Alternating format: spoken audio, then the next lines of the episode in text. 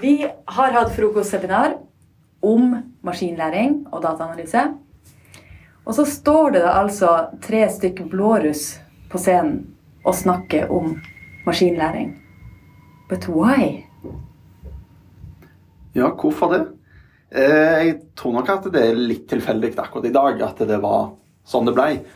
Men samtidig så er jo data science og maskinlæring er jo egentlig et tema som egner seg veldig godt for blåruss, og ikke bare de som har en uh, databakgrunn.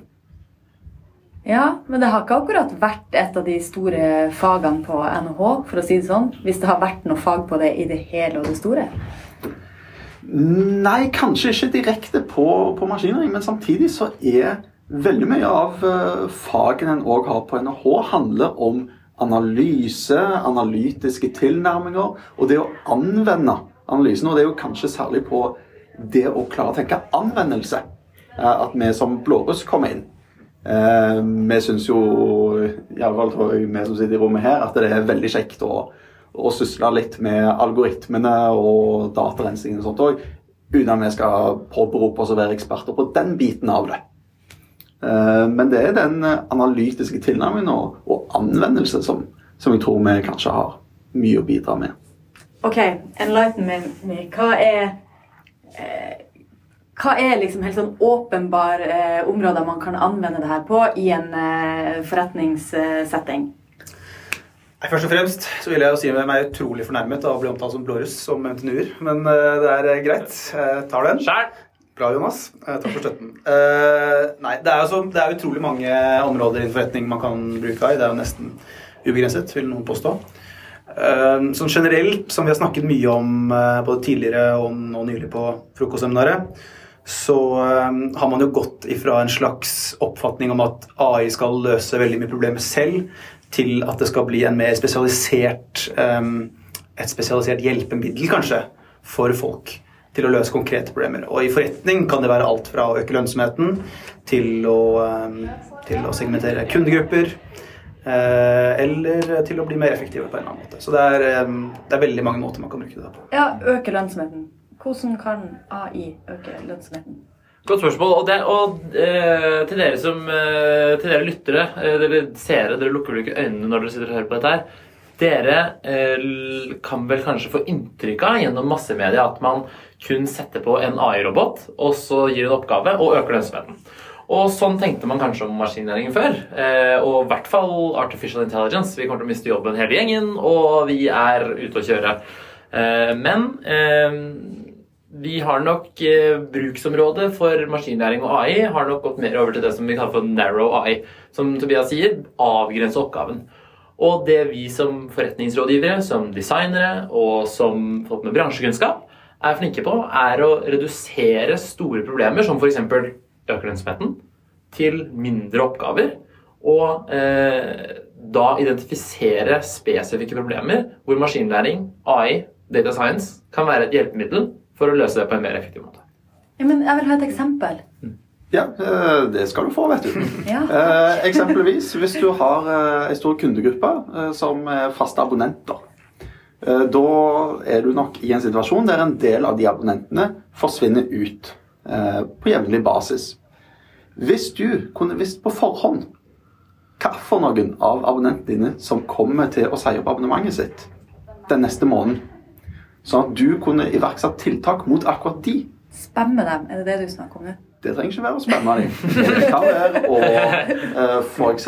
ta kontakt med dem, finne ut hva er det som vi kan gjøre for å forbedre tjenesten før de har tatt valget om å si opp. Sånn kan være i forkant. Eller så kan det være å gi de et bedre tilbud. Uh, så egentlig litt uavhengig av hva tiltak du iverksetter. Og det kan kanskje være akkurat de samme tiltak som du har i dag, men heller enn at du retter det mot et tilfeldig utvalg av kundene dine, så retter du det mot de kundene der du vil få størst effekt. I så måte det motsatte er spam. De som uansett kommer til å være kunder, de får bli kunder. Og så retter vi markedsføringen i større grad. Det er et godt poeng, og det finnes uh, mange flere eksempler òg. Jeg er jo en forkjemper for NLP-teknologi, eller Natural Language Processing. Som heter Fulltekst. Eh, det er også noe Jonas er veldig begeistra for. Vet jeg godt. Eh, det, det handler jo om, handler om eh, språkteknologi. Å forstå eller generere type naturlig språk, menneskespråk. da, Tale eller tekst. Eh, og Det enkleste eksempelet på det er kanskje chatbots, som flere og flere bedrifter både i verden, også spesielt i Norge, tar i bruk. Banker tar dem i bruk, telefonoperatører tar det i bruk for å få unna en del eh, vanlige kundehenvendelser. Automatisere de eh, vekk. Eh, Et annet kult eksempel som jeg kom over nylig, var Equinor, som har um, um, innført type språkteknologi eh, for å redusere operasjonell risk ved å predikere um, svikt i enkelte komponenter på oljeriggene sine. Og da bruker de fritekst som eh, er skrevet inn i da, hendelsesrapporter, og bruker det igjen, analyse av den teksten, for å spå når andre lignende komponenter svikter. da. Ok. Altså det, er, det er et helt annet case igjen. Det er, igjen handler om å redusere risk, og på, på lengre sikt da, øke lønnsomhet. Så det dere sier nå er at vi har liksom gått litt fra den eh, tanken om at eh, robotene kommer til å ta over hele verden, og alle blir arbeidsledige, som du var inne på, Jonas, til at man finner litt sånn små oppgaver hvor man kan bruke maskinlæring eller AI eh, til å effektivisere, redusere risk, analysere. Ja, ja jeg tenker kanskje en veldig dårlig sammenligning, men, eh, men se for deg at du hadde hatt en, eh, en tømrer som skulle bygge et hus, og så har, gir du ham bare to verktøy til å starte med. Eh, det er en eh, ja, Nå er jeg jo tydelig ikke tømrer, siden jeg ikke kom på to ulike verktøy. Men eh, hammer og sag.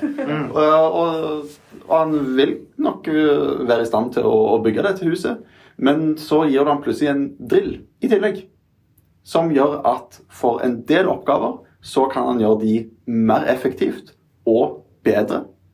Eh, Men eh, drillen vil ikke være optimal på alle oppgaver. Eh, Så han trenger fremdeles sag og hammer, men for noen oppgaver så har han nå fått en, et nytt verktøy for å gjøre det mer effektivt. Kunne ikke du i det minste sagt hammer og spikerpistol?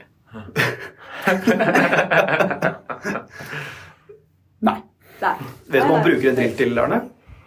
Uh, ja, har ikke det noe med sånn tak å gjøre? Ja, det er Ja. Dere to kan ha deres egen uh, slafte- og snekkerpodkast, men den finner du på et annet forum, kjære seere. Nei, det er likt som Arne sier, og det, mye av det handler også om å frigjøre menneskelig tid til å bruke, så mennesker kan bruke tid på ting mennesker er best på. Type kunderelasjoner, type de virkelig kvalitative vurderingene av ting. Da. Og fjerne de rutinemessige, automatiserbare oppgavene. Og der spesielt kan jo AI bidra. Eh, veldig fort og veldig effektivt. Men hvor langt eh, er bedriftene eh, Altså Hvis dere bare skal synse litt, hvor langt er bedrifter kommet i dag på å ta det i bruk? Altså Begynner det å bli mer mainstream, eller er det fortsatt litt sånn at det, det sitter langt inne? Jeg tror at ganske mange bedrifter begynner å ha testa litt.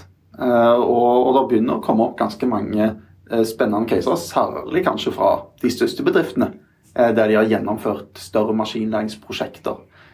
Men jeg tror nok at mange eh, der ute sitter både og føler litt på hvordan skal en egentlig bare komme i gang eh, og få gjort disse tingene som jeg kaller ja, små prosjekter og sånt. Eh, og så er det òg en case med eh, det å ha gode nok data å anvende eh, analysene på. Eh, og ikke minst ha en organisasjon som er i stand til å, å benytte det. For det er nok der vi er nå i 2020 og, og, og ved inngangen til et uh, nytt tiår.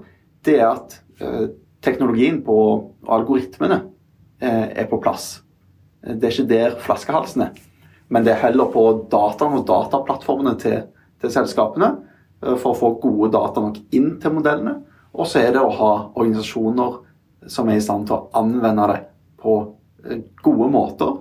Da handler det ikke bare internt om i bedriften å tjene penger, men det er òg å anvende eh, AI og maskinlæring på etisk forsvarlige måter.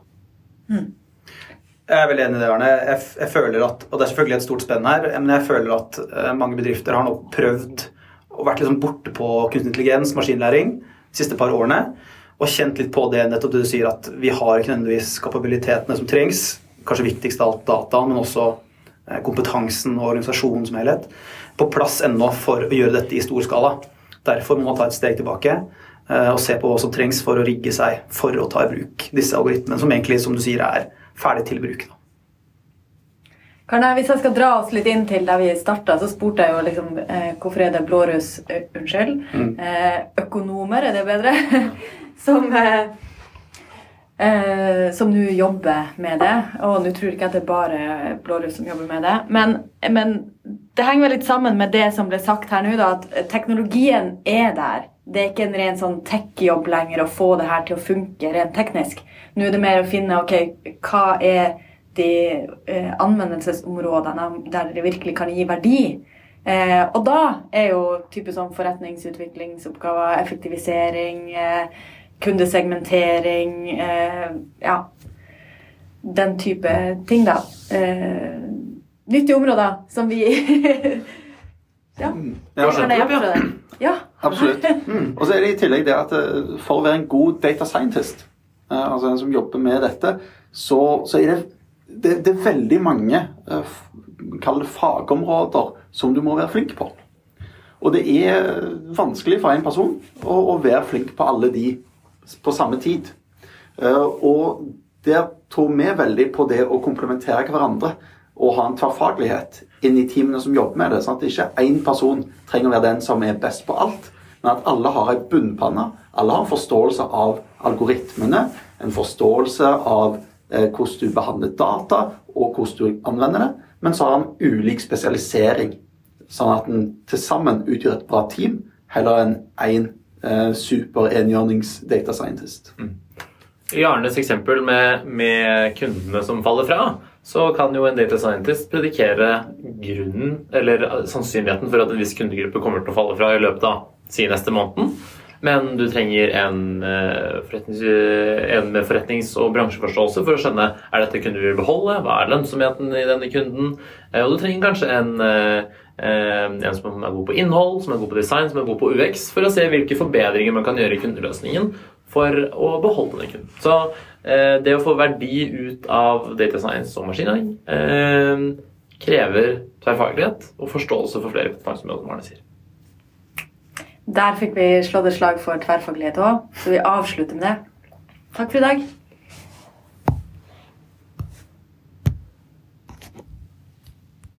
Har du noe ris eller ros, eller har lyst til å være med på en episode? Send oss en mail til drypp at beck.no.